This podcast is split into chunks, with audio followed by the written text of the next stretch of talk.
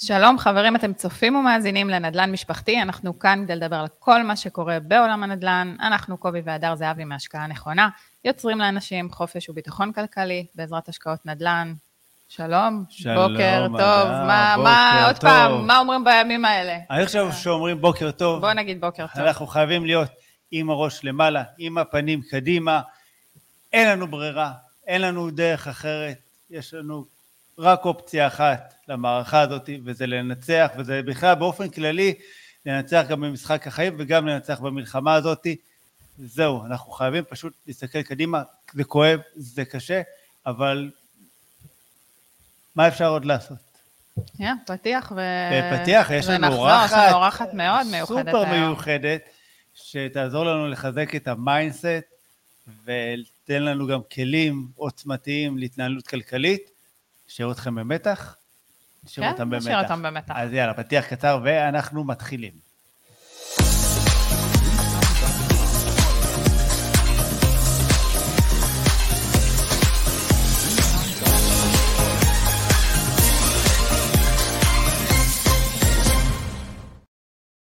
טוב, חזרנו, או. וחזרנו עם האורחת הסופר מיוחדת עם שלנו. האורחת, כן, כן. ומדהימה. אה, טוב, אני, אני קודם כל אציג אותה. היא ישבה בשקט עד עכשיו, בזמן שנתת איזה ספיץ' כזה של בוקר. יצא לי. אז אה, מיכל רוזנטל, יקרה ואהובה, חברה טובה, מעבר לזה שבאמת, כאילו, היא מתארחת אצלנו בפודקאסט. בוקר טוב. איך אומרים? בוקר מלא. טוב, בוקר טוב חברים, איזה כיף להיות כאן, תודה רבה שהזמנתם אותי, באמת זכות אדירה. כיף שאת כאן, ומיכל היא אה, מלווה אנשים לתמיכה אישית ופיננסית, וככה קראנו למיכל היום, כי אני חושבת שזה אה, דברים סופר חשובים, שהם גם מתחברים ביחד, גם האישי נכון. וגם הפיננסי, ויש לך כל כך על מה, הרבה על מה לדבר, אה, איך אומרים לכולנו. אה, אז בוקר טוב, את אה, ככה, בואי, בואי תציגי את עצמך, תגידי ככה כמה מילים עלייך, את יודעת, מעבר למה שאת אוקיי, תענוג, אז אה, שמי מיכל רוזנטל, אני בת 40, נשואה, אני מרצה להתפתחות אישית וכלכלית, מלווה אנשים להתנהלות כלכלית נכונה, ככה בגובה העיניים, לוקחת את כל המושגים האלה, כל הקללות, אינפלציה, ריבית דריבית, תקציב, ובאמת מורידה אותם ככה לקרקע בשפה שאפשר באמת להבין ולדבר, ואני מרימה ויוצרת אירועי נטוורקינג שמחברים בין אנשים. נורא אוהבת אנשים, נורא אוהבת בני אדם, נורא אוהבת לראות את החיבורים ביניהם, איך זה ככה נרקם, פשוט מעיף אותי כל פעם מחדש. לחלוטין. אני, אני יכולה להעיד ש, שאת יוצרת אה, מפגשים מדהימים. אה, נכחנו בכמה, וכל פעם מחדש אתה יוצא עם אנרגיות, אתה מתמלא באמת ב- בכל כך הרבה טוב מהמפגשים נכון. האלה. כל פעם אתה אומר, זה היה המפגש הכי טוב, אין, אין, הכי טוב ever, ואז מגיע עוד מפגש של מיכל, ואתה אומר, זה היה הכי הכי הכי טוב. נכון. אתם אנשים טובים, ואתם יודעים, זה, זה, אנחנו, זה המרחב שאני מקימה, אני בעצם, בעצם, לא אגיד שבוחרת, אבל בסוף אני גם מאוד מאמינה, אנחנו נדבר על זה גם ביקום וזימונים, ומה שהאנשים שמגיעים לפתחי, אלו האנשים שצריכים להגיע, ואלה, גם אם אנחנו במפגש של עשרה אנשים, או חמישים אנשים, או מאה אנשים, בסוף זה יהיה אנשים שמדברים פחות או יותר את אותה השפה. נכון, וכמו שמורנו ורבנו ג'ים רון היה אומר, תראה לי, תספר לי על החמש חברים הכי טובים שלך ואני אגיד לך מי אתה. אז אה, אחלה ג'ים. אחלה ג'ים, כן. טוב, מיכל, מה, איך, איך, איך עוברת אה, אצלך התקופה הזאת? וואו, אז uh, באמת, uh, אם אני רגע לוקחת אותי, ל... או אותנו, בוא נגיד לשביעי באוקטובר, אז היומיים הראשונים היו שוק גדול, זאת אומרת, לא הצלחתי, לדעתי, לא הצלחתי לדבר, אפילו עם הבת זוג שלי, כאילו לא הצלחתי להוציא מילה מהפה, הייתי צמודה למסכים, כל הזמן, גם היה כל הזמן, כאילו זה היה, עוד לא ידענו שום דבר, אז כל הזמן היה שינוי והתחדשות, וכל פעם עוד זוועה ועוד זה, ופשוט כאילו הייתי overwhelming ברמות שאני לא זוכרת את עצמי. ואז יומיים אחרי שישבתי מחובקת עם הטלוויזיה ולא הצלחתי להוציא הגה, אמרתי אוקיי, אם ככה זה ממשיך, אני משתגעת, אני פשוט לא אוכל לעשות את זה. ואז מה שעשיתי, התקשרתי לחברה מאוד טובה שלי, שאני יודעת שהיא מאוד, אה, מאוד תמיד בעשייה, ואמרתי לה, אחות, אני משתגעת בבית, תגידי לי מה עושים. והיא אמרה לי, תגיעי מחר לסנטר, בשמונה, בשמונה בוקר, שמונה וחצי בבוקר. אני כמובן התייצבתי, ובגלל שהייתי שם בין האנשים הראשונים, היינו שם בהתחלה ביום הראשון חמישה או שישה אנשים, בגלל שהגעתי לשם ראשונה, אז בעצם קיבלתי ולקחתי על עצמי תפקיד עם הרבה מאוד אחריות, שלמעשה מאותו יום עד חמישה שבועות קדימה, אה, זה מה שעשיתי, מהבוקר עד הערב. עכשיו, רגע, רק... מה, מה, מה, מה זה היה? מה, זה, מה, מה קרה שם בסנטר, ככה, לטובת מי שלא יודע? זהו, אז אני אגיד. אז בעצם אני הגעתי לשם, כמובן כולם היו מתנדבים, והם פתחו דבר שנקרא חמ"ל דיזינגוף סנטר. לא פרסומת, אבל האמת שמגיע להם, גם אם זה תהיה פרסומת, מגיע להם, עשו דבר אדיר. דבר כזה זה לא פרסומת, באמת, זה רק הוקרת הטוב והוקרת תודה למי שבאמת עשה את הדברים המדהימים האלה. לגמרי, מדהים ברמות, ורק אגב, היינו שם חמישה-שישה אנשים ביום הראשון, היום יש שם כבר למעלה מ-2,200 מתנדבים. אז כאילו תבינו את הגודל של הדבר הזה. עכשיו, מה זה, מה זה בעצם, מה זו האופרציה הזאת? אז בהתחלה, האנשים הראשונים ש, שהגענו לשם, כל אחד כאילו הפך להיות איזשהו ראש, ראש שבט או ראש מחלקה.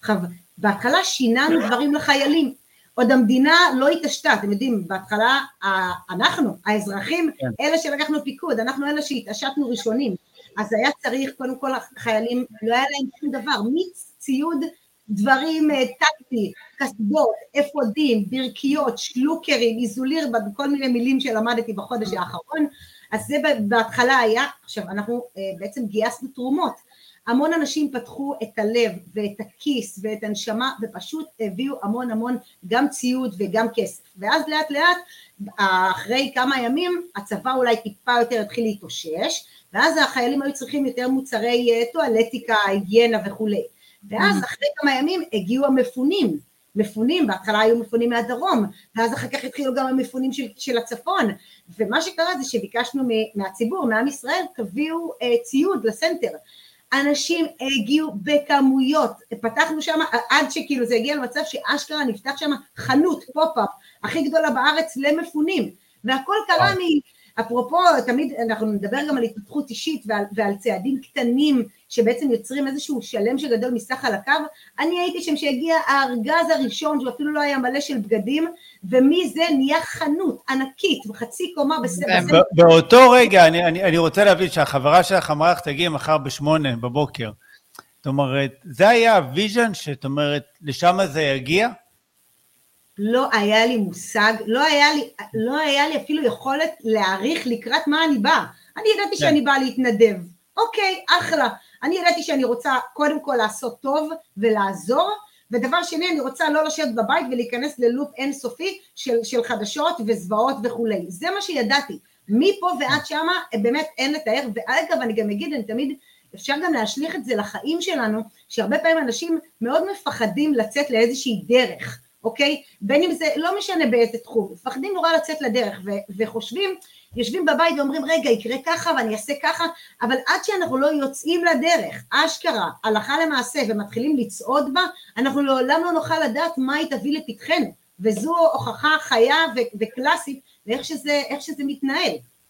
אני חושבת נכון. גם שבתקופה הזאת, איך את אומרת, אנשים שיצאו, אה, פוחדים לפעמים לצאת לעשות דרך, אני חושבת שבתקופה הזאת זה רק מוכיח כמה אנשים לא חשבו. זאת אומרת, לפעמים אתה צריך פשוט לא לחשוב ולקפוץ למים. בקטע הזה אנשים לא חשבו מתי אני אתנדב, איך אני אתנדב, פשוט יצאו ועשו, ובגלל זה גם הכמויות של התרומות והעשייה המדהימה הזאת, וחלק מהאחדות הזאת כן. שקרתה פה, הביחד הזה של האיגיות. אנשים גם לא חשבו מה, מה יצא לי מזה, שהרבה פעמים זו שאלה שעולה, גם בעולם של עסקים. Mm-hmm. אוקיי, אבל מה יצא לי מזה? ישר איזה תגמול, איזה, איזה משהו. איך אני מרוויח. שהוא חומרי ומוחשי הרבה פעמים, ולפעמים, זאת אומרת, גם בעסקים שאנחנו התחלנו, לא ראינו לאן זה הולך להגיע, לא דמיינו שיום אחד נשב ונשדר פודקאסט ויהיה לנו חברה ו... ו, ו טוב שעשיתם לא את זה. טוב, לא היינו כאן. נכון, היינו פוגשים אותך. אבל, אבל, אבל זה היופי באמת בעניין הזה של אה, פשוט לצאת לדרך ולהתחיל בקטן עם רעיון גדול. ו, ואני חושב שזה זה, זה מרתק, העניין הזה.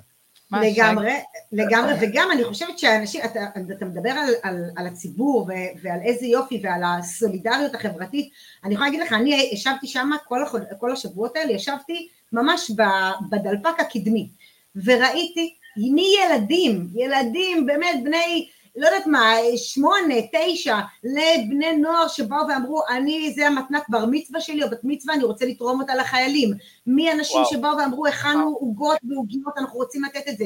מי נשים, הייתה לנו מישהי, באמת, הגיעה עם מקל הליכה בת 85, והיא אמרה, אני יכולה לעזור כאן במשהו, כאילו ראיתם את כל המנעד, כל, ה, כל הצבעים, כל המינים, כל הגילאים, זה פשוט, לפעמים הייתי, כאילו, אמרתי לעצמי, אה, איזה מדהים, כאילו עכשיו בעיניי, אגב, ואנחנו אולי נדבר על זה, אבל בוא נגיד שעד לפני הקורונה, אני, מה שנקרא, חייתי בסרט שאני, כל השליטה אצלי. אה, אני, mm. הכל עליי, אני, אני מבינה. ובקורונה התערערו לי היסודות האלה של רגע, מה, איזה שליטה, כאילו, על מי, מי את חושבת שאת, ברגע שהגבו לי אה, מתחת לבית, היו סגרים ולא היה מותר לנו לצאת מהבית, וכל מיני דברים הזויים שקרו שם במרץ 2020, ואז זה התחיל להתערער לי. ו, ועכשיו זה נתן את, ה, את הגונג האחרון, מה שנקרא, שלנו, יש לנו דבר שנקרא אולי אשליית השליטה, זה אולי כן, אבל שליטה לא.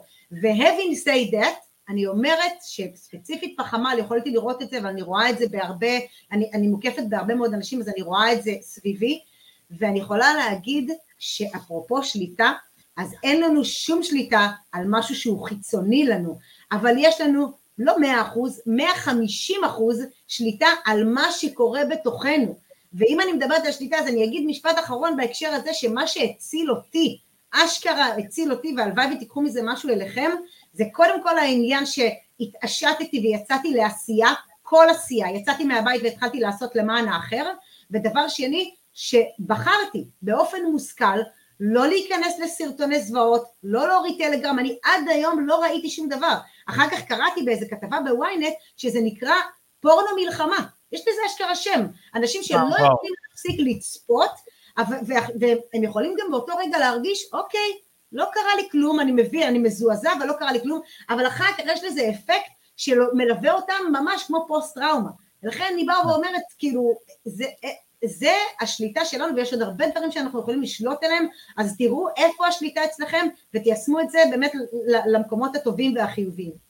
כן, אני יכולה להגיד עלינו, שאנחנו בשבועיים הראשונים, השבועיים הראשונים, באמת, כאילו, למרות ש... אה, איך אומרים, אה, לקחנו את עצמנו והתנדבנו, ועושים, ואספנו, אם זה תרומות לחיילים, ולהתנדב בעניין של הביטחון ביישוב והכול, אבל, אבל עדיין היינו שבועיים במציאות שגם היינו מחוברים יותר מהרגיל, אה, גם לרשתות. מה זה יותר ברגיל? ברגיל אנחנו לא רואים לא רואים, אנחנו לא רואים חדשות בכלל, אוקיי? אנחנו מתעדכנים בכל מיני אתרים כלכליים, נדל"נים וכאלה, על מה קורה מבחינת שוק הנדל"ן. כמובן שאנחנו מרגישים את השטח בעצמנו, אז הרבה פעמים זה חדשות כן. הן אה, לא חדשות, או חדשות סותרות.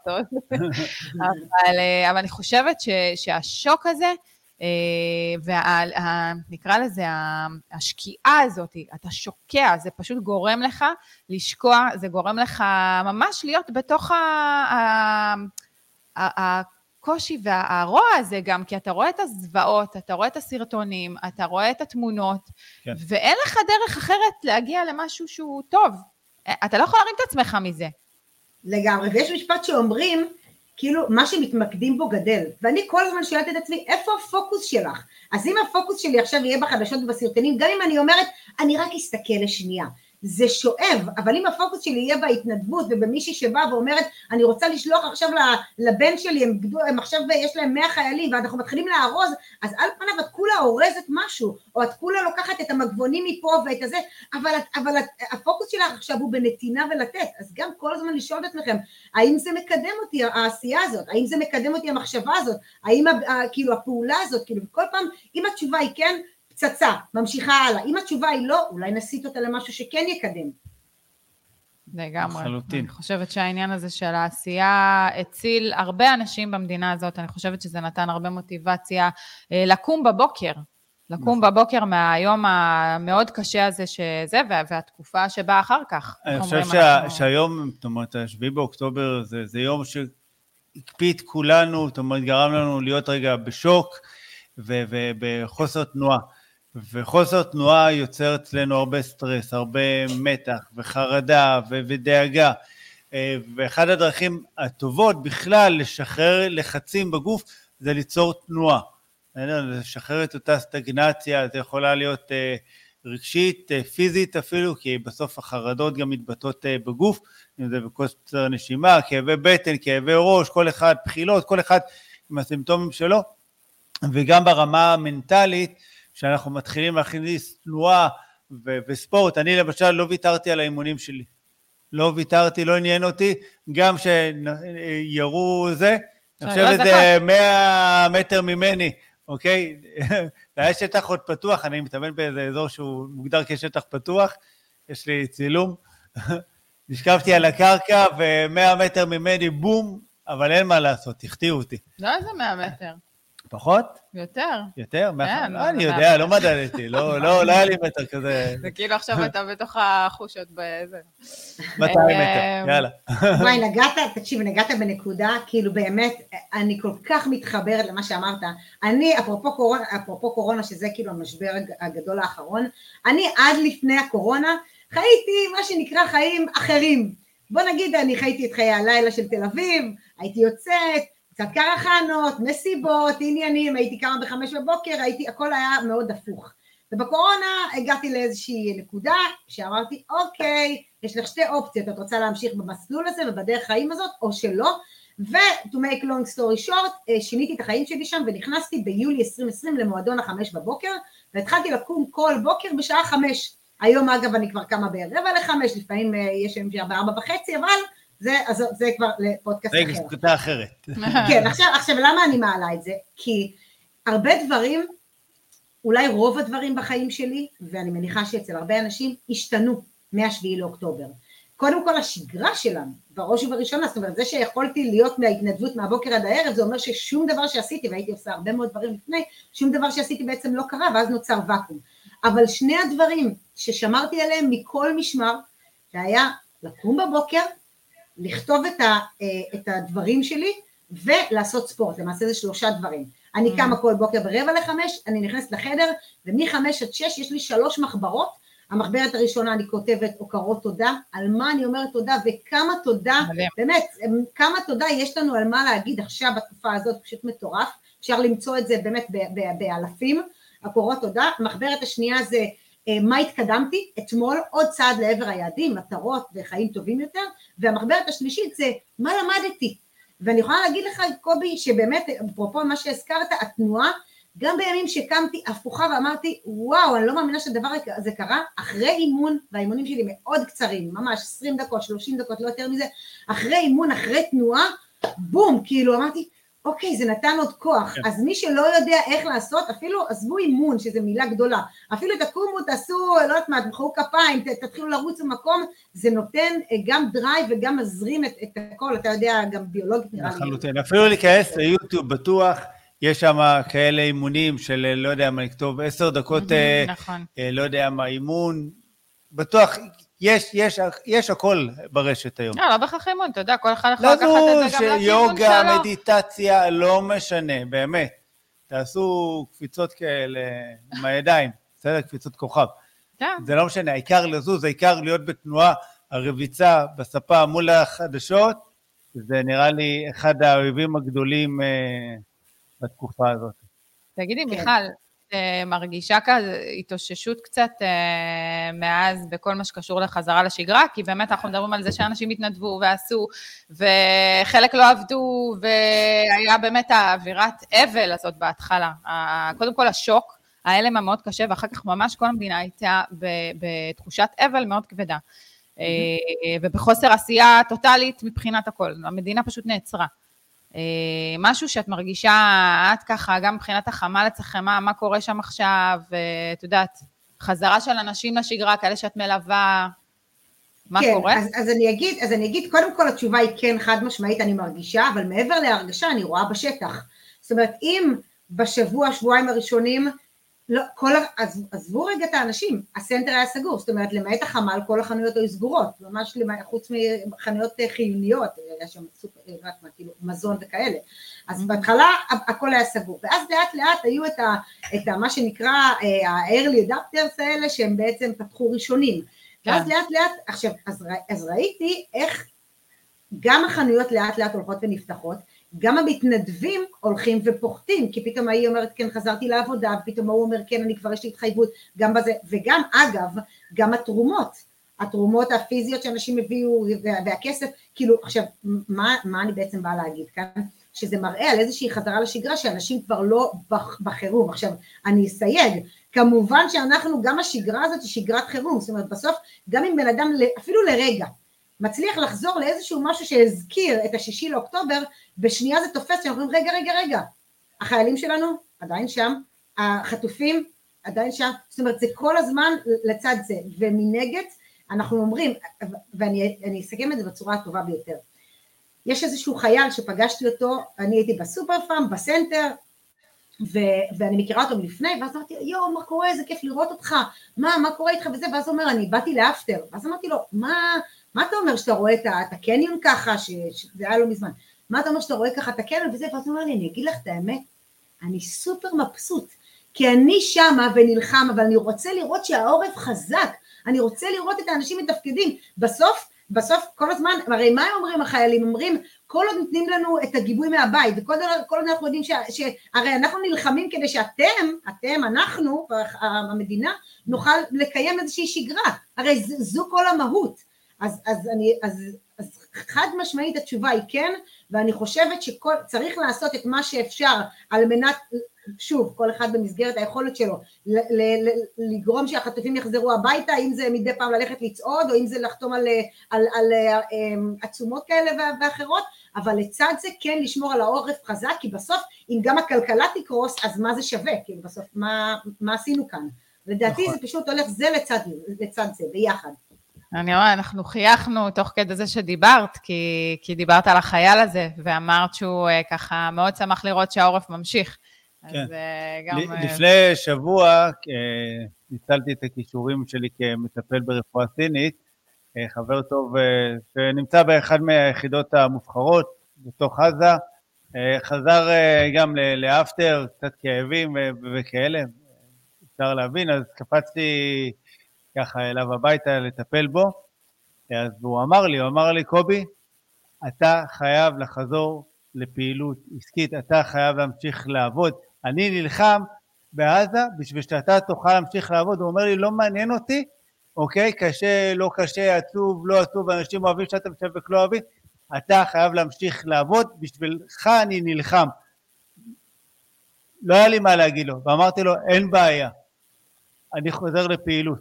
ו- ו- וזהו, ככה היה, זאת אומרת, גם מי שטועה למה אנחנו עושים את הפודקאסט ולמה אנחנו חוזרים ככה בכל הכוח, כי ככה, כי זה בסוף מה שהחיילים שלנו שנלחמים שם בשטח מבקשים מאיתנו ומצווים אה, עלינו לעשות ולהמשיך לעשות בכל הכוח. זה, זה חלק מהחוסן, גם המנטלי שלנו וגם הכלכלי שלנו, כי מדינה בלי כלכלה חזקה אין לה, אין לה יכולת להמשיך לשרוד לאורך זמן, וגם לתחזק את המלחמה הזאת, כי כבר אמרו לנו שהמלחמה הזאת היא לא תהיה יום ויומיים, גם לא חודש וחודשיים. ארוכה. לגמרי, ואפרופו מלחמה, אפרופו מלחמה, אני מסתכלת על זה שבעצם אנחנו, כאילו המלחמה היא בשתי חזיתות. יש לנו את המלחמה הפיזית, מה שקורה בחוץ, ויש לנו את המלחמה הנפשית. וגם גם מה שדיברנו, נניח הסרטונים, מי שצופה בסרטונים, זה בעצם אתה, אתה, אתה הורס את הנפש. עכשיו, מה זה אומר להעלות את הנפש או להעצים את, הנש, את, את, את הנפש? אז קודם כל דיברנו על עניין הסרטונים, אבל מעבר לזה, מה לגבי הדברים שאני, המזון המנטלי שאני מאכילה את עצמי? Mm-hmm. אני אשתף אתכם שאני לפני כמה ימים ירדתי למטה עם הכלבה שלי, אני גרה ביפו, ופגשתי את אחת השכנות, ואמרתי לה, יואו, מה שלומך, לא התראינו איזה חודש, מה העניינים, איך את? ואז היא אומרת לי, איך אני? הכל גרוע, יש מלחמה, אמרו שזה המלחמה האחרונה, אנחנו לא נשרוד מזה, ואז היא אמרה, המואזין נחשב אה, מאוד גבוה, ואני עשיתי אה, עצומה ש, ש, שהכל פה על הפנים, ותראי, כולם בורחים מכאן, ואני מכירה מלא אנשים שירדו מעל, היא נתנה לי שלוש ארבע דקות של סשן, של כמה רעל וכמה קשה וכמה זה, אמרתי, ושם אמרתי לה, כפרה עלייך, אני חייבת ללכת, הלכתי, ותוך כדי שאני הולכת, אני אומרת לעצמי, יואו, כאילו, מה, מה הכנסתי לראש? ישר שמתי לי סרטון של התפתחות אישית, כאילו, you can do it, הכל טוב, ישר, קודם, קודם כל, קודם כל לשנ, לשנות את המאזן. אז אני באה ואומרת, האנשים שהם שואבי אנרגיה, אנשים שהם, שהם באים ואומרים לכם, למה זה לא ילך? כן, אנשים, יש, אני מכירה גם לא מעט כאלה שאומרים לי, אני יודעת, תיפתח חזית בצפון, ותיפתח זה, ואיראן ייכנסו, ויהיה פה מלחמת עולם שלישית. רגע, רגע, רגע, עזבו, לא רוצה. בוא, גם אם זה יקרה, זה לא, שוב, אפרופו שליטה, זה לא תלוי בנו. אז בוא נחשוב שלא תיפתח חזית. ובוא נחזור שהחטופים, בוא נחשוב שהחטופים יחזרו במהרה. ובוא, וכמובן שאנחנו ננצח ואנחנו נמוטט את החמאס. בוא נחשוב את הדברים האלה. למה לחשוב על הדברים הרעים? אז, אז גם פה אני אומרת, המלחמה פנימה והחוצה, ו, כן. והאנשים, תקיפו את עצמכם באנשים שמעלים, שעושים שמח, שמדברים על ההתפתחות ועל כמה טוב ועל איך אפשר, ולא על אלה שמדברים רק על כמה רע וכמה אנחנו אכלנו אותם. אני טועה ככה, כמישהי ש... איך אומרים, מי, מי שפחות, יותר מכיר את קובי, מי שיותר מכיר אותי, אה, אני הצד היותר, אה, נקרא לזה רציונל, יותר זה, פחות, פחות התפתחות אישית, אוקיי? תמיד אה, קובי, אנחנו צוחקים על זה שקובי הוא מהעולם של התפתחות אישית, ושנים מתעסק בזה, ומאסטר ב-NLP, ושנים עושה מדיטציות, ולמד וחקר וזה. ו- ומשהו שככה, אני שואלת את שניכם, לא, זה כן, טועה עם עצמי ככה בקול. האם מישהו שעושה התפתחות אישית, מישהו שבאמת בתוך הדבר הזה חי ונושם את זה, באמת יש לו יותר, לקרוא לזה חוסן מנטלי, יכולת התמודדות יותר טובה מבן אדם שלא עושה את זה, אני אומרת נגיד, כל אחד מהמקום שלו, גם יש לזה בטח כל מיני שלבים מבחינת ההתפתחות כן. אישית. לא יודעת, אני עוד פעם... קובי, תענה ואז אני אחזק. זה בדיוק מה שרציתי להגיד, בכלל תעני, לתת לך את לא, הכבוד של האורחת. לא, כי יש לי כבר מה להגיד, כן, אבל... נכון, אה, לא היה כל עוגה לאורחים. אה, אני חושב שבסופו של דבר, אחד, אנחנו חייבים לתת ביטוי לכל קשת הרגשות. גם לי היו מחשבות בהתחלה קשות, ומה שנקרא, קיללתי את כל העולם ואחותו, ורציתי להיכנס לעזה, אני כבר לא בגיל המתאים לזה, אז זה, זה לא יתאפשר, והיה, ובאמת היו, היו ימים קשים. אבל כשיש לך את החוסן המנטלי, שיש לך את הכלים, מה שנקרא, מתוך העולם של ההתפתחות האישית, אתה יודע ואתה מזכיר לעצמך בקול הפנימי שככה מדבר אליך בראש, קום, תנער את האבק, תמשיך ללכת, ואתה יודע אוטומטית, זה להפסיק לראות חדשות, זה להתחיל לדבר עם אנשים שעושים לך טוב, זה להקיף את עצמך בסביבה תומכת, זה להקיף את עצמך במסרים שמקדמים. עכשיו, הסביבה הרעילה הזאת, היא, היא הייתה קיימת כאן עוד לפני השביעי באוקטובר. זה, זה קיים בכל דבר. אלה שאומרים שסוף העולם הגיע, גם אלה ש... ו, וזהו, ו, ואנחנו עכשיו רגע לפני מלחמת עולם, זה בדיוק אותם אנשים שאמרו לנו שהתחלנו להשקיע בנדל"ן שזה לא אפשרי. זה אותם אנשים שאמרו לי שפתחתי את הקליניקה שלי לפני איזה עשרים ומשהו שנה ואמרו לי שאני חולם ו- וזה לא יעבוד, ומי בכלל, מה זה הרפואה הסינית הזאת שלך, מה זה עבודות, זה לא משנה, תמיד יהיו, לנו את האנשים שיגידו לנו שזה לא אפשרי, ואנחנו צריכים את אלה שיהיו שותפים לחלום שלנו, לחזון שלנו, לדרך שלנו, וזה זה, זה חלק מהדברים כשאנחנו מתעסקים בדבר הזה שנקרא התפתחות אישית, אה, אנחנו מקבלים, זה בסוף אה, סל כלים שמשרת אותנו ומלווה אותנו לאורך כל החיים בהרבה סיטואציות. אני קודם כל מסכימה, ב, לא במאה, במאה חמישים אחוז עם כל מה שאמרת, וניתן, אני, אני, מה זה כאילו חוסן, המילה הזאת שמדברים, וזה, מה זה בעצם בתפיסתי חוסן? זה בעצם לצמוח, זה אומר שזה חוסן. עכשיו, אני האזנתי לפני כמה ימים לפודקאסט וואו, באמת, נפלה לי הלסת, אשתף אתכם. אה, אישה בשם, אני לא יודעת אם אני אה, אזכור את השם שלה, אה, קראו לה סיגל קראוניק, סליחה אם אני טועה בשם או איך אני מבטא את זה, זאת מישהי שהייתה מקיבוץ בארי, הייתה 17 שעות בממ"ד עם הבת שלה, בת ה-14.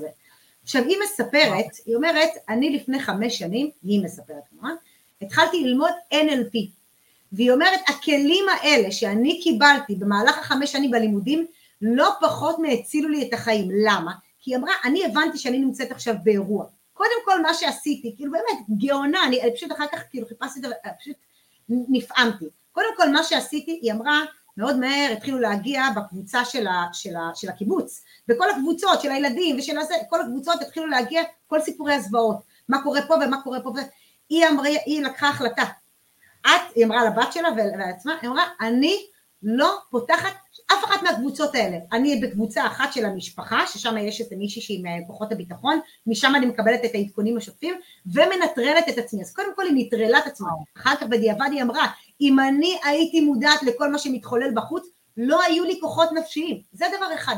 דבר שני, היא אמרה, אני החזקתי את הדלת של הממ"ד, היא אמרה, עכשיו, יש לה בעלה שהיא שמעה את האזעקות ויצא להילחם, הוא הרבש"ץ היה של, של הקיבוץ, ויש לה ארבעה ילדים.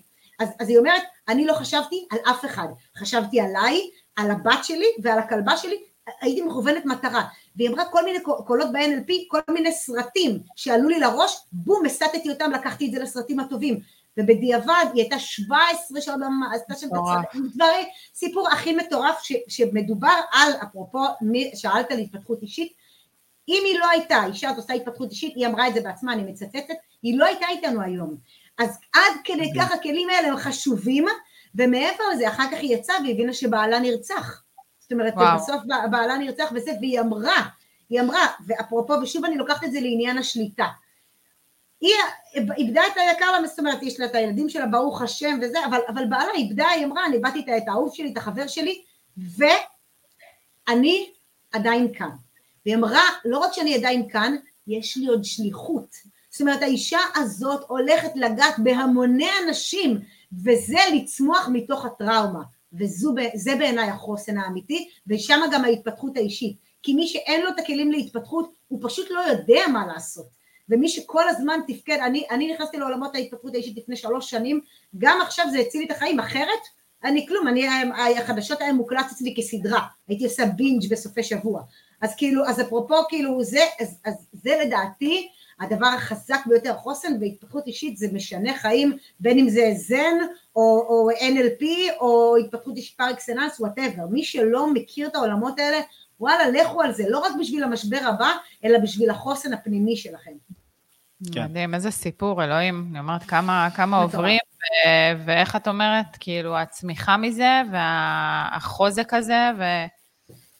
בסוף אה, מה שלא זז, כאילו, ו- וצומח, הוא קמל ונובל. אין מה לעשות, גם אנחנו, אנחנו הכל, כאילו בסוף אם אנחנו לא נהיה בעשייה, בתנועה, בצמיחה, אנחנו פשוט נלך אחורה. יש מחקרים שמראים את זה. לחלוטין. כמו עשו פעם ניסוי אה, ולקחו מים ושמו אותם בצנצנת, ואחד, אה, עשו, יש כמה ניסויים, אני רציתי להגיד משהו אחר, אבל אה, נלך על האופציה הזאת. לקחו צנצנות, שתי צנצנות מים, צנצנת אחת, כל היום קיללו אותה ואמרו לה כל מיני מילים, מה שנקרא קשות ולא יפות, וצנצנת אחת, בירכו אותה ואמרו לה מילים של אהבה וכאלה. הצנצנת שקיללו אותה ודיברו אליה לא יפה, המים שם נהיו עם עובש ומעופשים וממש כאילו טוקסי ברמות היסטריות, והמים שקיבלו את החום והאהבה נשארו מים נקיים וצלולים, בלי, בלי עובש, בלי בקטריות, בלי שום דבר, ש, שזה ניסוי מדהים.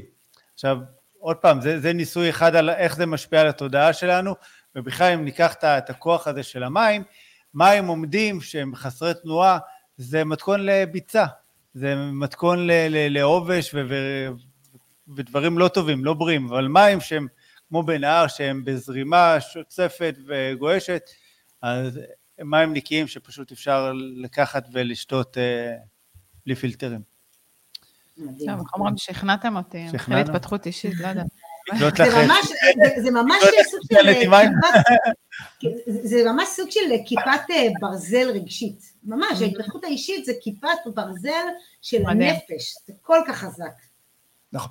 אפרופו, אני רוצה רגע לחבר שנייה את ההתחלה של השיחה שלנו, כי דיברנו שיוצאים לדרך ולא מבינים את התוצאה. אני חושב שאני לפני 23 שנה, אפילו 25 שנה, שהתחלתי, לא, לא קראו לזה התפתחות אישית, כי, כי זה בכלל לא היה המונח הזה לפני 25 שנה. אני פשוט חיפשתי כלים שיעזרו לי להתמודד עם החרדות שלי, עם החוסר ביטחון שלי, עם הפחדים שלי, עם החששות שלי, עם, עם השק המטורף והלא כיפי הזה שקיבלתי בחצי הראשון של החיים. וכשהתחלתי את המסע והגעתי להודו וכל העניינים, מי שקצת מכיר את הסיפור, לא חשבתי מה יקרה איתי, לאן זה, פשוט ישבתי והתחלתי לתרגל ואמרתי, מה יהיה, יהיה, כאילו, מה יש לי כבר להפסיד? בסדר? ועם הזמן לקח לי כמה שנים פתאום ללמוד להסתכל אחורה על קובי של אז ולראות שזה לא אותו הדבר, זה כבר לא, לא אותו קובי. דברים השתנו. כן, כן ותראה קובי, אני ואתה יש לנו, הסיפור שלנו, יש לנו הרבה דברים דומים. זאת אומרת, גם אני ואתה גדלנו בבתים אה, כזה בסוג מסוים, וגם אני ואתה גדלנו בשכונות מסוג, כאילו, לא שגדלתי בשכונה שזה, אבל, אבל בסוף, אה, אני חושבת שלקחנו אחריות. זה בעיניי, לקחנו אחריות על החיים שלנו. לקחנו אחריות על משפחות שלנו, לקחנו, ואנחנו לוקחים כל יום, ובעיניי, אפרופו, אני כל הזמן חוזרת לעניינים של בחירה. זו בחירה.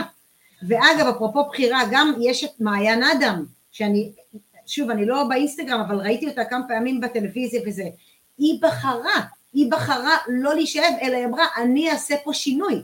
ו- ויש עוד מישהי ש- שהייתי בישיבה של הבת שלה, והיא יכלה לבחור להישאב באמת למקום הכי נורא, אבל היא בוחרת להיות בעשייה, ואגב, אם היא, אפרופו לחזור ל- לאיזשהו אה, שגרת חירום או לאיזשהו משהו, היא אחרי שהיא, בוא נגיד כמה ימים אחרי שהיא קמה מהשבעה על הבת שלה, היא התחילה לחזור לעבודה שלה, בתור מישהי שמנהלת אה, משהו בביטוחים וזה, היא אומרת זה החוסן, זה, פה, פה העניינים, ואני כל הזמן מדברת על העניינים של הבחירה, ו, ו, ואני חושבת שגם אני וגם אתה, בגלל שגדלנו במקומות שבקלות המצב שלנו היה יכול להיות אחרת, בחרנו לשנות את החיים שלנו ולהעביר את זה הלאה, וזה בעיניי אה, באמת העניין של הבחירה, הוא כל הזמן מהדהד לנו. בראש. נכון. לחלוטין, זה בדיוק, נכון. בדיוק זה. ובבחירות, כאן זה השליטה שלנו, כי אנחנו, יש לנו שליטה לבחור קודם כל באיזה משקפיים אנחנו מסתכלים על החיים שלנו, וזה הכוח של הבחירה שלנו. כן. יפה, אתם יודעים, אנחנו מדברים פה הרבה על ה... על היציאה משגרה, על החוסן המנטלי, על כל העניין של התהליכים הרגשיים שעוברים. ומיכל, יש לה עוד כובע שהיא אה, במקביל לעניין של ההתפתחות אישית, זה גם העניין הכלכלי-פיננסי, שהוא אה, לא פחות מאתגר בתקופה סופר אה, עם תהפוכות הנפש האלה, ואני אני, אני חווה את זה ברמה האישית-עסקית. איך אומרים, וה, והביתית המשפחתית, אני, יש לנו המון חברים שבאמת עכשיו בתקופה שפתאום לא עובדים, יוצאים, הלח, הוציאו אותם לחל"תים, יש אבטלה, אה, עסקים שכרגע בהולד רציני, זאת אומרת, כן. אה, מבחינת המצב הכלכלי. אז, אה, אז אני כאילו ככה אומרת, איך, איך אפשר להתמודד עם העניין הזה של ה... אולי תתני לנו ככה כמה טיפים, מיכל, מה אפשר לעשות ברמה של כלכלת המשפחה, של הבית, של... מעבר לעניין הרגשי, גם לעניין ההתמודדות היומיומית בכלל, בפועל. כן, אז, אז קודם כל אני רק אגיד ממש במשפט וחצי שאני נכנסתי לעולמות הכסף בגלל שאימא שלי נעקצה על ידי עוקץ הקשישים, אימא שלי mm. מורה לציור שהרוויחה 7,000 שקל בחודש ועקצו אותה ב-350 אלף שקל במהלך אה, לא מעט שנים וכדי להרים אותה על הרגליים הייתי צריכה ללמוד את הנושא על בוריו ואז בעצם למדתי אה, ממש אה, מאלף עד תף אני תמיד, כשאני סטודנטית נצחית, תמיד יש עוד מה ללמוד, אבל, אבל זה מה שהכניס אותי לעניין. עכשיו, mm-hmm. מה שאני באה ואומרת, בתקופה הזאת, במיוחד עכשיו שאנשים יותר בבית, בראש ובראשונה אני הולכת לבסיס. מה זה אומר? להסתכל למציאות בלבן של העיניים ולהבין מה יש לנו, מה אין לנו. אני יכולה להגיד לכם שזה זמן, ויש לי חברה שהשבוע נפגשתי איתה בשיחת זום כי היא אמרה לי, תקשיבי, אני חייבת לבדוק מה קורה. היא בדקה מה קורה בקרן השתלמות שלה. הקרן השתלמות כבר פתוחה, היא כבר, היא כבר נזילה, כלומר היא יכולה כבר, כבר, כבר למעלה משש שנים, וגילינו שהמסלול שלה הוא אג"ח עד חמישה, עד חמישה, עד אחוז, זאת אומרת אג"ח, אין לה כמעט מניות, מעט מאוד. ואז אמרתי לה, תגידי אחות, איך זה יכול להיות שאת בקרן השתלמות, שאת לא, את, את גם לא מתכוונת לפרוע אותה בשנים הקרובות, איך זה יכול להיות שאת את, את כמעט ולא חשופה לסיכון? כאילו סיכון סיכוי אגב, כאילו ככל, אני רק למי שלא אולי מבין, אז מי שנמצא באג"ח שזה איגרת חוב, אז, אז יש לו אה, סיכון, הוא בעצם פחות חשוף לסיכון, אבל גם התשואה שלו תהיה בהתאם. וברגע שמסתכלים על שוק ההון אז מסתכלים על הטווח הארוך ואם מסתכלים על מחקרים של שנים אחורה, מאה שנה אחורה ויותר, אז ככל שהזמן עובר בלונג רן אנחנו תמיד במגמת עלייה. כלומר היא הפסידה, כבר הפסידה עכשיו, לא יודעת מה, אולי, אולי עשרות, אולי מאות אלפי שקלים, רק על השאלה, אז, אז זו דוגמה אחת קטנה של מישהי שהסתכלה עכשיו בתקופה הזאת מה קורה, ופתאום הבינה שוואלה יש לה שם טעויות, וכמובן נפגשה עם סוכן ותעשה את הדברים, את השינויים. אז אני אומרת להסתכל בכל החזיתות. זה מתחיל בתקציב. Mm-hmm. מה יש לי, מה אין לי? כל ההוצאות, לכו אחורה חודשיים, שלושה, ארבעה, מה שנוח לכם, שבו ממש, מה שנקרא, כמו לפי הספר, אם אתם רוצים, אתם יכולים לפנות אליי, אני אסביר לכם איך לעשות את זה, יש אה, באמת סרטוני יוטיוב, בכל, איך, איך להכין תקציב. לקחת שלושה חודשים פרטי עובר ושב, לקחת שלושה חודשים כרטיסי אשראי, לעבור סעיף סעיף על מה הוצאתי, מה כן, מה לא, ולהיערך לעתיד. גם להיערך לעתיד שיום אחרי המלחמה בשעה שש, וגם לעתיד למשבר הבא שיבוא. לא משנה אם יקראו לו קורונה או מלחמה או רעידת אדמה או whatever. כאילו, כי המשבר הבא אנחנו יודעים, הוא יבוא כי, כי אין מה לעשות, זה מחזוריות של, של, של, של כל החיים, ככה זה עובד. אז קודם כל לבדוק מה יש לנו, מה אין לנו. לבדוק גם לדבר עם נותני שירות. אם זה הבחור של הפנסיה, סוכן ביטוח, סוכן פנסיוני, יועץ פנסיוני, אם זה להתקשר לבנק. אגב, אני לא יודעת אם אתם יודעים, אבל למשל חברה שלי לא ידעה. יש דבר שנקרא תעודת זהות בנקאית, זה יוצא כל שנה, בסוף פברואר, זה בעצם מרכז את כל מה שהיה בשנה שעברה. שבו עם התעודת זהות הבנקאית, יש שם מפורט מקוצר, תסתכלו על המקוצר, וואלה קיבלתם באמת באהבה, לא שלחת אתכם למפורט. איך אומרים, גם המקוצר זה לא כזה קצר. כן, תסתכלו על המקוצר, תראו שנייה רגע, כמה כסף, על מה אתם משלמים? יש שם כל מיני עמלות וריביות נסתרות שהרבה אנשים אמרו, וואי, לא ידעתי שאני משלם. תבדקו את הדברים הכי בסיסיים ברמה של, של דמי כרטיס, ברמה של, של ביטוחים, ברמה של מסלולים, זה, זה דבר אחד. הלוואות, אגב, הרבה אנשים עכשיו אמרו, אוקיי, אנחנו יכולים להקפיא, ישר הקפיאו את המשכנתה או את ההלוואה שלהם. רגע, שנייה, משלמים על זה אחר כך הרבה פעמים okay, ריבית דריבית, אלא, אלא אם כן הרבה פעמים יש עכשיו לתושבי הדרום ותושבי העוטף וזה, נתנו להם דברים שבאמת אה, כל מיני קריטריונים שלא היו נניח בתקופת הקורונה, שבאמת כן. הם יכולים להקפיא ולא לשלם. זה על הכיפאק, אבל אני באה ואומרת לא, לרוב לא, האנשים... לא, לא רק זה, אני, אני אחדד עוד משהו, זה גם אפילו פוגע בדירוג אשראי שלנו, כי אם הבנק אומר, רגע, רגע, איך שטיפה משהו זז, אתה רץ ומקפיא את המשכנתה שלך, את ההלוואה, כנראה ש... שאתה לא, משהו לא בסדר בהתנהלות הפיננסית שלך. ואז זה, זה קצת צובע אותך, זה אולי לא ירסק לך את הדירוג אשראי, אבל צריך גם לחשוב על זה, זאת אומרת, לא, לא לרוץ וישר בהיסטריה. בדיוק, ואני יכולה להגיד ש, שבאמת, אז, אז אם כבר עושים את הדברים, אז ממש להסתכל מכל הכיוונים, מדמי כרטיס, מספקי תקשורת, פתאום אפילו להתקשר להוט, יס, לראות הטבות שהסתיימו. אגב, הרבה אנשים, נניח למכון כושר לא הלכו בתקופה הזאת, אבל זה ממשיך ללכת, אז חכו, תקפיאו, תסתכלו על כל, ברגע שבן אדם יושב ועושה תקציב, באמת, אני מלווה אנשים לא מעט שנים, נפגשתי עם עשרות משפחות ויחידים, כמעט, בוא נגיד ב-99 אחוז, אולי היה לי לקוח אחד שלא חידשתי לו, אבל באמת מתוך, אין דבר כזה שאנחנו יודעים הכל, אפילו אנשים שהגיעו לאנשים שמעבירים תכנים פיננסיים ועדיין יש להם פער, ברגע שיושבים ומסתכלים על ציוד בעיניים תמיד רואים משהו, אוקיי? ולכן אני באה ואומרת, זה הזמן קודם כל להסתכל על המציאות בעיניים ולהבין מה יש, מה אין. דברים שטובים, בום, לשמר. דברים שלא טובים, לשפר. אגב, אמרנו גם ליום שאחרי וגם באופן כללי, ברגע שניקח את האחריות ונבין שהשליטה על ההתנהלות הכלכלית היא בידיים שלנו, זה ישנה את כל התמונה, זה גם, אפרופו חוסן, זה גם יפתח אצלנו את החוסן, את התחושת מסוגלות, אנחנו נהיה על זה. אני אגיד משפט נוסף בעניין הזה. אם אני לוקחת את, ה, את, ה, את מה שקורה עכשיו, נניח לקורונה, אז גם בקורונה, שוב, אלף אלפי הבדלות, כן, עכשיו המצב הרבה יותר חמור, אבל אם אני רגע מנתקת את, ה, את, ה, את הדבר הזה ורק מסתכלת בפן הכלכלי, גם בקורונה כולם היו ספונים בבתים, רוב נכון. הכסף יצא על מזון, ועל לא. על, על מזון, על אוכל, על, על כלי ניגוד. רציתי לשאול אותך על מה מוציאים יותר עכשיו בתקופה הזאת, כי בטוח אם משהו יורד, אז תמיד יש איזה בלנס לכיוון אחר, זאת אומרת, משהו, משהו על חשבון משהו, תמיד יש איזה משהו שעולה פתאום. אז... אה, לגמרי. אז, אז היום אנשים באמת כמעט פחות ופחות בקניונים, פחות ופחות קניות אה, אה, בחוץ, כמובן שכל העניין של טיולים, עניינים, אה, דברים כאלה לא קורה, אז מוציאים יותר על האוכל, אבל אני באה ואומרת משהו אחר. מה שקרה בקורונה זה שברגע שהשערים נפתחו, אני קוראת לזה, מה שקרה פה זה מניה כלכלית. אנשים יצאו ופשוט קנו את עצמם לדעת. ולכן אני באה ואומרת, ביום, שוב, ביום שאחרי המלחמה, בשעה שש בערב, שכל החטופים בעזרת השם יהיו כאן בריאים ושלמים, וננצח ונמוטט את החמאס וכל הדברים האלה יהיו, ונתחיל לשקם רגע את עצמנו, אל תתפזרו כלכלית.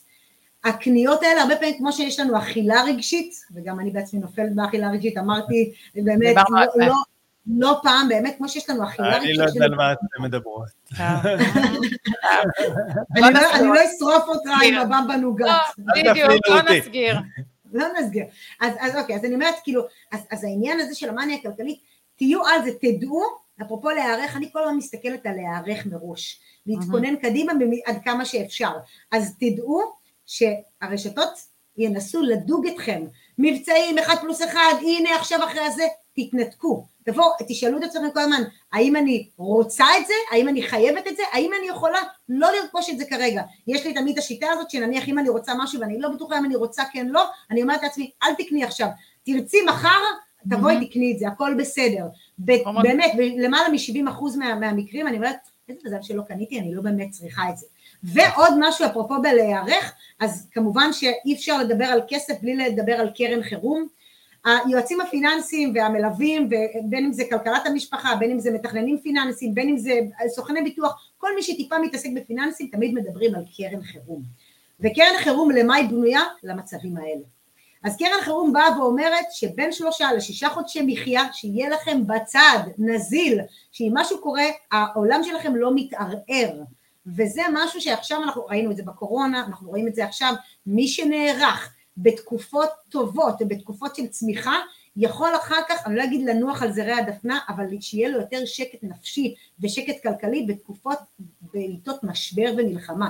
וזה חשוב, כי מי שלא עשה את זה בקורונה ולא עשה את זה עכשיו, תעשו את זה מעכשיו, ואין לכם יותר, שימו, לא יודעת מה, 100 שקל בצד, שימו 150 שקל בצד, תפתחו את השריר הזה, כמו שיש שריר של, של, ביד שמתפתח ויש שריר של נטוורקינג, גם העניין הכלכלי. אז הקרן חירום זה סופר חשוב, ואגב, אני גם, אני לא יודעת אם יהיה לנו מספיק זמן לדבר על זה אולי בכמה מילים, אבל, אבל גם קרן חירום להשקעות, זאת אומרת, אני לתפיסתי צריך להיות, לי יש בעצם שלוש קרנות, יש לי קרן חירום לבית, שאגב, mm-hmm. מצילה אותי עכשיו, לא פחות, אני, הנה אני מודה, אני, מה שאני עושה בחיים, אני, אני עצמאית, אני מלווה אנשים להתנהלות כלכלית נכונה, כלומר יש לי פגישות ייעוץ, התבטלו לחלוטין, אני עושה מפגשי networking שמחברים בין אנשים, התבטלו לחלוטין, אגב, יום yeah. שישי הקרוב, בעצם אני חוזרת במתכונת של מעגלי שיח, אבל זה לא יהיה הכרחנה שלפני, זה יהיה באמת לבוא ולשתף, אז, אז yeah. אפרופו גם זה, אז המפגש הזה הוא sold out, זאת אומרת, mm-hmm. אנשים רוצים לבוא ולשתף ולדבר וכולי. אז הקרן השנייה... אנשים יש להם המון צורך לזה כרגע, מלא. כן, אז, אז, אמרנו, אז אמרנו קרן חירום של משק הבית, קרן mm-hmm. חירום של עצמאים וקרן חירום של השקעות. אני כן. חושבת שדיברת מקודם על העניין הזה של אה, לחשוב על היום שאחרי. אני ביום שישי, אה, איך אומרים, בגלל שהייתי חייבת לקנות איזשהו משהו באמת, כי, כי הייתי חייבת, לא, לא רציתי ולא, הייתי צריכה.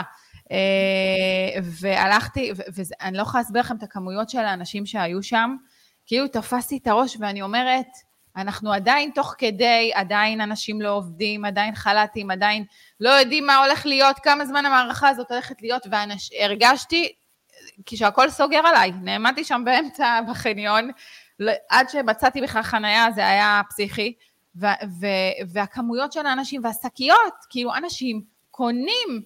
עכשיו, אני, אני אומרת, כל מה שדיברת עליו עכשיו, של התכנון, של המחשבה, של לקחת רגע, שנייה, לעצור את עצמך, לא מה בא לי באותו רגע, מתוך איזו מחשבה מושכלת למה יהיה ביום שאחרי.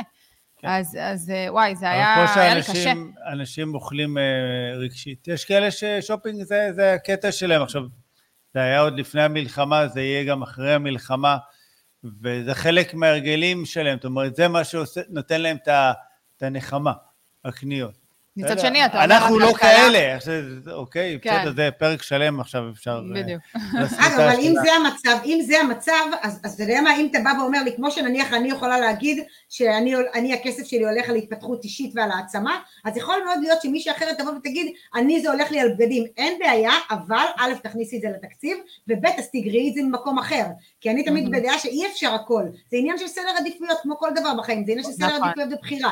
אם בחרת שהדבר שהכי עושה לך טוב זה לשבת ו- וללכת לקניון ולקנות בגדים או לשבת ולהזמין על הכיפאק, אבל לגרוע את זה במקום אחר כדי לא להיכנס לאיזשהו גירעון תקציבי.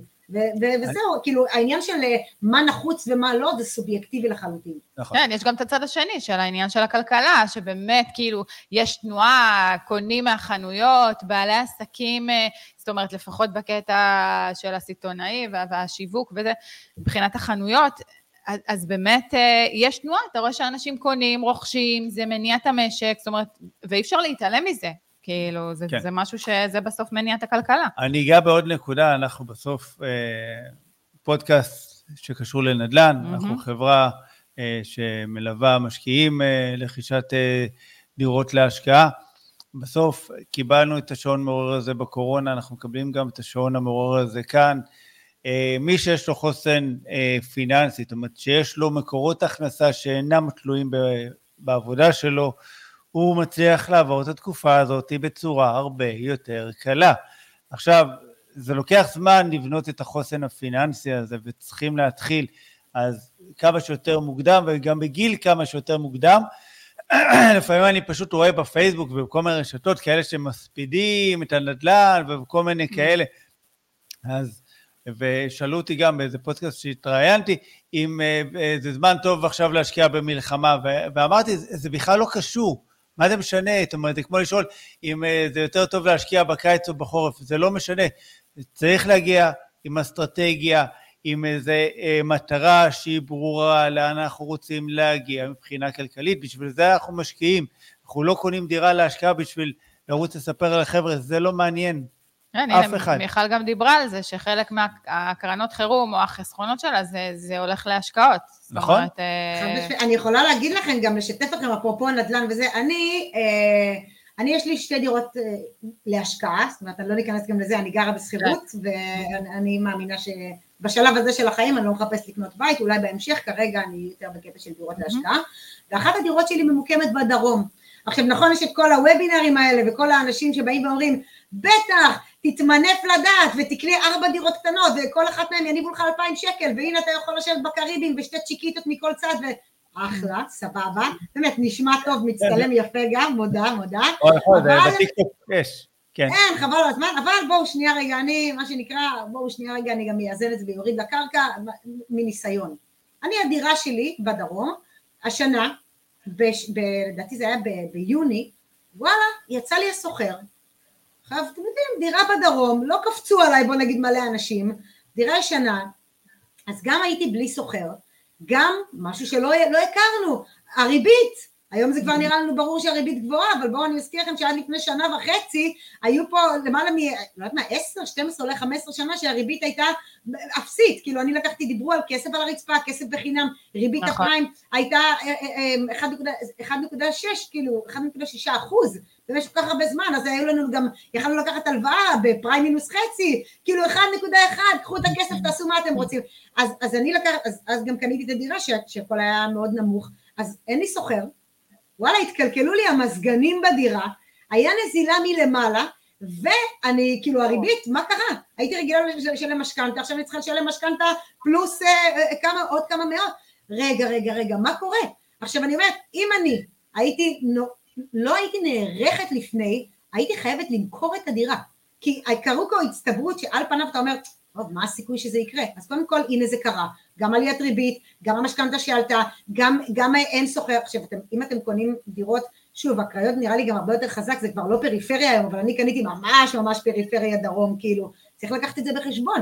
אז, אז אני באה ואומרת, כאילו, אפרופו קרן חירום, אם לא הייתי נערכת לדבר הזה מראש, אז לא רק שהייתי מוכרת, גם הייתי מוכרת בהפסד.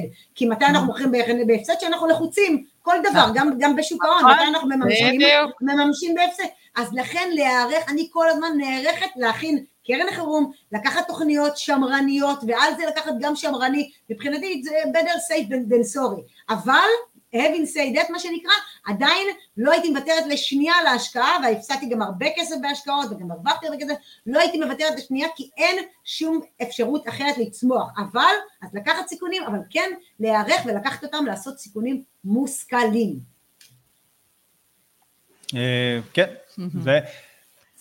אני חושב שהשנה האחרונה באופן כללי הראתה להרבה מאיתנו שדברים קורים. בסדר? זאת אומרת, יש את התוכניות האופטימיות, התרחישים האופטימיים שהאקסל מאוד מאוד אוהב אותם, ויש את החיים.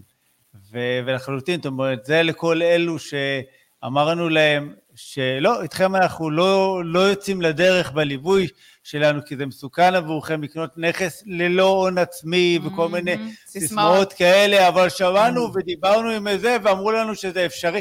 אפשרי כן. בסדר, אתה יכול גם לשים חבל על הצוואר ולקפוץ, זה אפשרי. יכול להיות שאתה רק תאבד את ההכרה, יכול להיות שאתה, אוקיי, גם לא. ו... אבל אנחנו לא, את יודעת, בסוף את המלווים שלנו, את המשקיעים שלנו, אנחנו, התפקיד שלנו זה לשמור עליהם. זה להוביל אותם יד ביד לצמיחה כלכלית, ולפעמים זה גם להגיד להם דברים שהם לא בא להם לשמוע, כמו זה לא מתאים לך. מדהים. ו- וכן, ו- ותמיד לקחת בחשבון שדברים קורים. אה, גם אתה חישב... וזה לא בלת"מים, הם יקרו, משהו יקרה. כל, בכל השקעה אני תמיד אומר, זה לא משנה במה אתה משקיע, תמיד יש סיכון מסוים. כן. אתה יכול לקחת מקדם בטיחות, אתה יכול להבין למה אתה נכנס ממישהו שאיך אומרים, כבר עשה את זה ולמד את זה והתגלח על עצמו, ו, ומזה להפיק את המסקנות ואת ה... להבין לאן זה הולך. בגלל זה אני אומרת, גם לא כל אחד מתאים לו להיות משקיע, צריך להבין, איך אומרים, מאוד נחמד לראות בפייסבוק, שמישהו אומר שיש לו איזשהו הון והוא גר בשכירות, עם אשתו, היה בדיוק איזה פוסט כזה השבוע באחת הקבוצות, שהוא ואשתו, יש להם איזה הון עצמי מאוד יפה, אבל הם מתלבטים אם לקנות דירה למגורים או לשכירות, ואז לקנות דירה להשקעה. עכשיו, התחילו להציע להם שם, כן, אתה יכול לקנות פה, אתה יכול לקנות שם, דירה להשקעה, ופה, כל מיני אזורים, וזה כדאי יותר, וזה כדאי פחות, ואני מסתכלת ואני אומרת, יש פה זוג, אוקיי? בתקופה גם ככה של חוסר ודאות, עם סכום יפה, שהם לא יודעים בכלל מה הם רוצים. מגורים, השקעה, אוקיי? כאילו, יש פה בכלל משהו בסאב-טקסט שאף אחד לא שם לב אליו, ויש פה שניים ביחד שגרים, איך אומרים, תחת קורת גג אחת, וצריכים גם להתמודד עם ההחלטות האלה אחר כך. אוקיי? צריך להבין מה זה אומר שאתה הולך להשקיע, צריך להבין שהבן זוג שאיתך או בת זוג שאיתך, שיהיה פה איזו החלטה משותפת, שיהיה פה איזו הבנה, שיש איזו הדד, הדדיות בדבר הזה, איזה שיח פתוח, ששניהם באים מאותה, מאותו עניין פיננסי שדיברנו עליו, שאחד לא מבזבז והולך לשופינג כל היום, והשני חוסך ומנסה לחלץ את הכסף ולשים אותו בצד אה, ל, ל, ל, ל, ליום שאחרי, להשקעות. זה בעצם, זה, זה, זה לצאת לדרך בלי מטרה, וכמו, אה, זה כמו ספינה בלי מטרה, בלי יעד מוגדר, היא תלויה בחסדיה של הרוח, ו... ואנחנו חייבים קודם כל לדעת לאן אנחנו רוצים להגיע. כשאני והדר התחלנו אה, להשקיע, אה, מעבר לזה שלא חשבנו שבאמת יקרה מה, ש, מה שקרה אה, מבחינת ההתפתחות שלנו, אבל ידענו מה אנחנו רוצים להשיג מההשקעה מ-day one, ודרך אגב, המטרת על שלנו לא השתנתה. היא נשארה אותה מטרת על. היעדים, דרכי פעולה שאנחנו עושים, הם כן השתנו, היעדי ביניים, נקרא לזה המדרגות לעבר המטרת על. הם השתנו כי אנחנו צמחנו והתפתחנו ולמדנו ונוצרו כל מיני קשרים וח... ו... וחיבורים ו... ודברים ויזמויות שלפעמים אני תופס את הראש ואני אומר, תנו לי איזה סתירה אבל חזקה, כי אני חייב ממש להיות בטוח שהתעוררתי, כי אני לא מאמין שכל הטוב הזה קורה. אפרופו אבל, לצאת לדרך. אבל המטרה... איך? אפרופו לצאת לדרך, יצאתם לדרך, צעדתם, הכרתם. אבל המטרה היא ברורה, זאת אומרת גם היום תמיד אנחנו, הבחירות שלנו הן תלויות במטרה, אם זה משרת את המטרה שלנו או לא, ואנחנו מקבלים המון המון הצעות, ולפעמים אנשים כאילו אומרים לי, איך אתה מסרב? כי זה לא תואם את המטרת על שלנו, אנחנו רוצים להגיע לנקודה מסוימת, לשם אנחנו מכוונים, ואנחנו נאמנים לזה. וזה צריך להיות מדויק, זה צריך להיות מדויק. מדהים, אתה יודע, בטוח, ואיפה הכי ראיתי את זה? בקורונה. אז קודם כל הזוג הזה, לפני כל ההצעות אה, אה, שכולם קיבלו, הייתי אומרת להם, השכלה פיננסית. בואו שנייה רגע תבינו, תבינו, על בוריו, קודם כל מאיפה אתם יוצאים, מה נקודת הפתיחה, ואז באמת כמו שאתה אומר, את, מה, מה המטרות שלכם. עכשיו, אפרופו בקורונה, מה שקרה זה שהרבה מאוד אנשים, נוצר ואקום, היינו כולנו ספונים בבתים, ואז התחילו כל הקבוצות הפיננסיות, ואז בקבוצות הפיננסיות, אחי תקנה דירה, תקנה ביטקוין, תשקיע בזה וזה, ואז כאילו בהתחלה אנשים התחילו לחוות פומו, ואז מספיק שמישהו קיבל טלפון ואומר, אחי, אין לך עדיין דירה להשקעה? תגיד, אתה גנוב? ואז הוא אומר, זהו, פה נשברתי, אנשים קנו דירות, מינפו את עצמם לדעת, ואחר כך, רגע, בלי להסתכל על מה אני יכול, בלי להסתכל על האם אני אעמוד בזה, החזר חודשי, בלי לגלם סיכונים, בלי שום דבר, ואחר כך האנשים האלה הרבה פעמים הגיעו אליי לייעוץ, שישבתי איתם בזה, אמרתי להם, רגע, אבל מה, מה הייתה המחשבה מאחורי זה? אה, לא הייתה מחשבה, כן, אבל, אבל האסטרטגיה, איפה, אין אסטרטגיה, ראיתי בפייסבוק, אז, אז אה. אל תיקחו החלטות על סמך הפייסבוק, למה? כי, כי יכול להיות שהתשובה הזאת שאותו בן אדם כתב היא מאוד מאוד מאוד נכונה, אבל היא נכונה עבורו.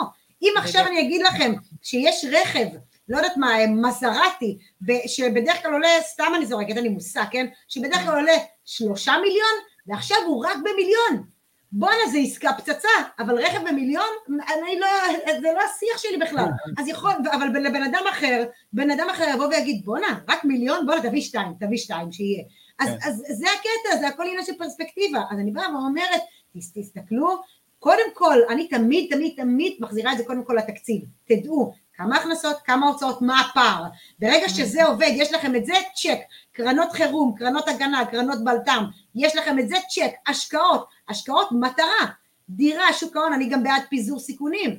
תהיו נכון. גם פה וגם פה, אל תשים את כל הביצים בסל אחד, אנחנו, אני נמצאת עכשיו באיזה השקעה שהסתבכה עם אה, משהו אה, נדל"ן מעבר לים, יש שם מישהי בקבוצה שאומרת, כל החיים שלי נמצאת כאן, ועכשיו הקבוצה הזאת, קבוצת רכישה, פושטת רגל. זאת אומרת, mm. רוב הסיכויים שלא נראה את הכסף, הבחורה הזאת, הכל הפסידה. ואני באה ואומרת, אם תשמעו אותי ותיקחו אפילו דבר הזה, תפזרו את הסיכונים שלכם, אי אפשר לדעת, גם משהו שנראה מאוד מאוד בטוח, אי אפשר לדעת, תערכו, תעשו פיזור סיכונים, תעשו את הדברים מושכלים, תנשמו רגע לפני, תתייעצו עם אנשי מקצוע, באמת, תעשו את כל הבדיקות כדי שאחר כך תוכלו לישון בשקט ולהגיד, וואלה, אני עשיתי את המאה חמישים אחוז שלי על מנת לדאוג לי ולמשפחה שלי לאיזשהו ביטחון, גם כלכלי, גם נפשי. לגמרי, אנחנו גם מפזרים את הסיכונים שלנו, גם מבחינת נדל"ן שאנחנו משקיעים, מבחינת אזורי השקעה, זאת אומרת, זה חלק מה, מהתיק השקעות שלנו, שאנחנו כן. מסתכלים על זה כפיזור סיכונים. גם אזורי השקעה וגם, זאת אומרת, יכולנו נניח אה, לקנות אה, דירות אה, גדולות יותר ויקרות, וגם בחרנו לקנות כמה דירות שהן mm-hmm. קטנות, בסדר, שאם אחת לא מוזכרת, בסדר, זה לא סוף העולם, זאת אומרת, זה רק אחוז מסוים mm-hmm. מהתיק כרגע לא עובד.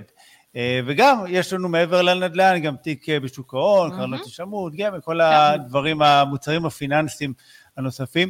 מדהים, ואתם גם אה, באירופה, אז זה עוד יותר פיזור, זה גם פיזור גיאוגרפי. באירופה יש לנו כמה הפתעות שהיו אמורות לצאת, כן. מה שנקרא, היינו אמורים לחזור לפודקאסט אחרי סוכות, ב-9 באוקטובר, יימח שמם החמאס, קצת שיננו את התוכניות. יש דברים שאנחנו נצא איתם ככה בבשורות שירגיש לנו קצת אה, בטיימינג הנכון. בדיוק. כרגע... יש למה לצפות, ספוילר, יש למה לצפות. אפשר למוטט את החמאס כמה שיותר מהר, לתת להם בראש, להחזיר את החטופים שלנו הביתה, ויאללה בלאגן. אמן, אמן. טוב, חברות, תקשיבו, קודם כל כיף לי איתכם. נכון, כיף לי כבר 16 שנה. אה, רק התחלנו, אנחנו בפורפליי, מתי עכשיו אנחנו נכנסים לעניינים? אבל מה לעשות, תראי, הצופים, המאזינים והמאזינות הגיעו כבר לעבודה. הם יושבים עכשיו בחניון, מקשיבים ככה לשורות האחרונות שלנו, אה, לפני שהבוס אה, מתעצבן עליהם, אנחנו נשחרר אותם באהבה. אה, מיכל, באמת, תראי, כל שיחה איתך היא תמיד מרתקת, היא ממש. תמיד עם חיוך על הפנים ועם אנרגיה. את יודעת כמה אנחנו אוהבים אותך, ויש לך, זה, זה אפילו לא, זה חדר אצלנו בלב. ותודה שבאת לתת ככה מה- מהאנרגיה המקסימה שלך, מהתובנות, והייתה כאן שיחה פשוט מדהימה אה, ומאלפת. אני נהניתי, לי זה העלה את האנרגיה, ואני אני בטוח שגם למי שצופה ו- ומאזין. לחלוטין. אה, אז תודה רבה לך, ושנדע ימים שקטים, אמן. ושנחזור לשגרה. ושיחזרו החטופים הביתה, מחכים להם כולם, ושהחיילים שלנו ישמרו על עצמם כמה שאפשר, ב, גם במזג האוויר המשוגע הזה. אה, באמת, ולכל מי שהקשיב, הלוואי ו- ותיקחו אפילו במעט ממה שככה דיברנו, ו- וביכולת הזאת לראות קדימה ולחזור לשגרה ולנסות כן. במציאות, ה- במציאות היומיומית הזאת גם למצוא את הנקודות אור ש... ולסיכום, שככה אני אגיד, אני אזכיר, ומי שככה, לא יודע איפה אתם צופים בזה, אפשר לצפות בפרק הזה בערוץ היוטיוב שלנו של השקעה נכונה, או באפליקציות הפודקאסטים, תחפשו נדל"ן משפחתי, וכל אפליקציות הפודקאסטים. תעקבו אחרינו גם באינסטגרם, מאוד מעניין שם, אנחנו מעלים תכנים שיעזרו לכם גם ברמת ה mindset, אה, ההתפתחות האישית והפיננסית, אה, וגם בערוץ הטיקטוק שלנו אה, של השקעה נכונה. קיצר, לא משעמם, יש הרבה כן, הרבה, אז, אה, אנחנו משתדלים לעשות טוב. אז אני אגיד לכם תודה רבה, תודה, תודה, תודה שהזמנתם אותי, תודה רבה לכם על זה שאתם מנגישים את הידע הזה, שאתם מנגישים בכלל שאתם נותנים את הפלטפורמה הזאת, כי וואלה, מספיק שבן אדם אחד שמע ופתאום אמר, בואנה, העלה לי קצת חיוך, בואנה, לקחתי משהו, אני אחשב יותר בקניון, אני אחשב יותר על החוסן הנפשי או סביבה, כבר עשינו את שלנו, ומבחינתי, לא יודעת מה, אם יש משהו שהייתי רוצה שכאילו תצאו מפה המאזינים או הצופים, זה קודם כל באמת להיות בהודיה, יש לנו כל כך הרבה על מה להודות, ואני כשאני פותחת את הבוקר שלי עם הדברים שאני מודה עליהם, זה גורם ליום הרבה יותר טוב ופרודקטיבי. מעבר לזה, תשאלו את עצמכם עכשיו מה אתם יכולים לעשות, באמת כדי, מה שנקרא אפילו בפעם הבאה, להיות חזקים יותר, איתנים יותר, והכי חשוב, תשמרו על הנפש שלכם. גם מבחינת המזון המנטלי, גם מבחינת הסביבה, תפגשו אנשים, תחבקו, וואלה זה באמת, זה עושה טוב, זה משתחרר אנדרופינים, תנו מגע, תאהבו אנשים, תתקשרו לאנשים שאתם אוהבים, תשאלו מה שלומם, ושניפגש בקרוב ובהקדם. תודה רבה חברים. איך אומרים, וכל מילה נוספת מיותרת. מיכלי, תודה רבה. חיבור. גדול. ביי ביי חברים, ניפגש שבוע, בפרק הבא שלנו. כן, שיהיה המשך שבוע קל ושיהיה בשורות טובות לכולם. תודה. מיכלי. תודה רבה.